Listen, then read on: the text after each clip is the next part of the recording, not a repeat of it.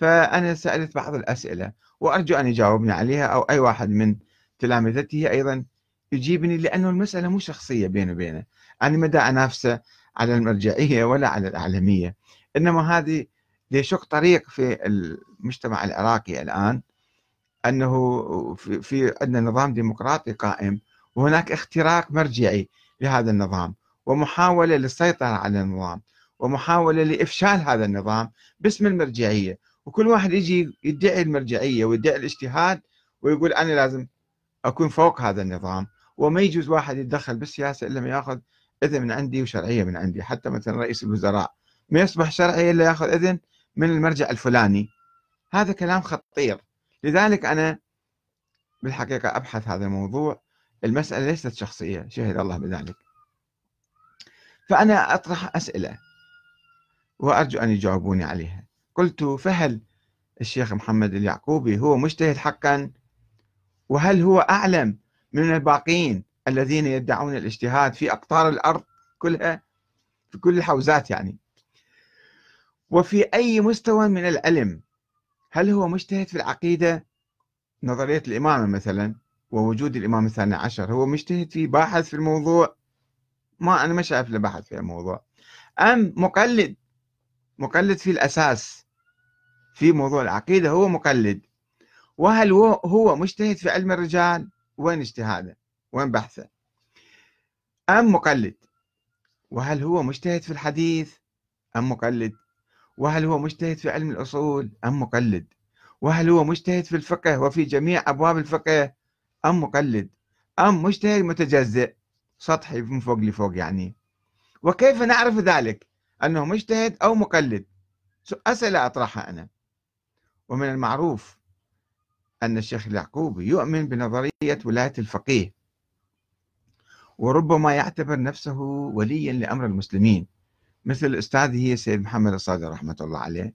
مرة واحدة أطلق على نفسه أنه ولي أمر المسلمين في مقابل إيران طبعا آه، حتى يصير هو ولي أمر المسلمين. وحاكما شرعيا هذه فكرة موجودة عند كل من يدعي الاجتهاد أن هو حاكم شرعي من الله معين يعني. وهو الشيخ اليعقوبي كما أعرف لا يجيز العمل السياسي للناس تشكيل أحزاب إلا بإذن الفقيه وبإذنه هو طبعا إذا أحد يرجع له فيصير عمله شرعي. كما هاي النظرية اللي كان يؤمن بها الشرازيون سيد محمد الشرازي سابقا في الستينات والسبعينات يمكن. كانوا يؤمنون أنه منظمة العمل إحنا تربينا عليها أنه أي عمل سياسي أي كذا ما يصير إلا تأخذ إذنك تأخذ إذن من المرجع حتى يصير حركة المرجعية حركة رسالية حركة مرجعية منظمة العمل بعدين. هاي نظريتها. فالشيخ يؤمن بهاي النظرية. فما هي ما عندنا مشكلة خليه يؤمن. ولكن ما هي أدلته على هذه النظرية؟ هل بحثها؟ هل اجتهد فيها؟ هل تعمق فيها؟ وهل يبني ولايته على الناس ليعطي نفسه في الولاية على الناس؟ على أساس فرضية النيابة العامة للفقهاء عن الإمام المهدي الغائب هي هاي فرضية. ناس افترضوها عبر الزمان. تطورت النظرية من نظرية محدودة فرضية في مجال القضاء وتوسعت توسعت إلى الخمس وإلى كذا والأمور الحسبية وإلى صارت نظرية النيابة العامة للفقهاء إلى صارت ولاية الفقيه.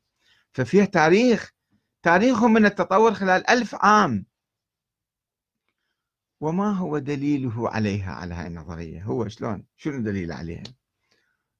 تحتاج بحث في الفكر السياسي وفي الحديث وفي كثير من الأمور حتى واحد يعتمد على نظرية معينة. أم يبني ولايته على انتخاب الناس؟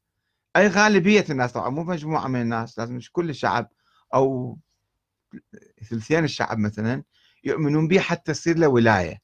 أما بس قال أنا عندي ولاية وقام يطبق ولايته على مجموعة من المقلدين. هذا ما يصير. ما يجوز هذا. يجي يخترق النظام الديمقراطي القائم اللي هو معترف به ويستفيد من عنده ويشتغل عليه. ويقول لك بعدين بالنص أنا عندي ولاية على الناس وأنا حاكم شرعي. وإذا كان الأمر كذلك أنه هو يؤمن ويبني الولاية على انتخاب الناس. فهل يؤمن بشرعية الدستور والنظام الديمقراطي وحكومة الرئيس المنتخب بصورة مستقلة من دون ما مرجع يدعمه أو يعارضه؟ أي بلا حاجة لأخذ الشرعية الدينية بين قوسين من الولي الفقيه. الولي الفقيه بين قوسين. ومن قال لك فقيه هو حتى صار ولي. في إيران الإمام الخميني طرح نظرية ولاية الفقيه ولكن ركبها على الدستور. النظام الجمهوري الإسلامي الديمقراطي وكل شيء بالانتخاب في إيران. ماكو واحد يتعين من نفسه لأنه فقيه صار ولي وإلا عندنا مئات أو ألاف الفقهاء. كلهم يصيرون أولياء أمور مو معقولة. اللي ينتخبون ناس يصير قائد يصير ولي أمر المسلمين. هذا كلام معقول. أما كل واحد قال لك أنا صرت مجتهد وأنا أعلم كل الناس وأنا ولي على الأمة الإسلامية كلها.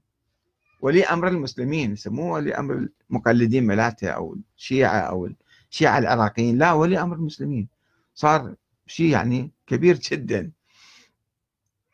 وإذا كان الأمر كذلك إذا كان الشيخ يؤمن بالدستور والديمقراطية والنظام الجمهوري فلماذا لا يطرح نفسه كمرجع فلماذا يطرح نفسه كمرجع ديني أو ولي فقيه؟ شنو السبب؟ ولماذا لا يطرح نفسه كزعيم سياسي؟ عنده آراء وأنا أحترمه سياسيا. عنده فكر عنده كذا عنده مواقف عنده جهاد عنده كل شيء يمكن يكون. ورئيس حزب أيضا يدخل في الساحة وكرئيس حزب ويشارك في الانتخابات. فربما يفوز بأغلبية الأصوات ويصبح رئيسا للجمهورية أو رئيسا للوزراء أو رئيسا للبرلمان مثلا. فهذا الطريق المعقول والشرعي والصحيح أما أنت تقول أنا صرت مجتهد وأنا أعلم كل الناس وأنا لازم أصير ولي أمر المسلمين فهذه مسألة خطيرة. مو من الشيخ محمد اليعقوبي فقط من أي واحد يدعي ذلك. سيد المدرسي ولا سيد ما أدري منو سيد البدري شيخ الفلان.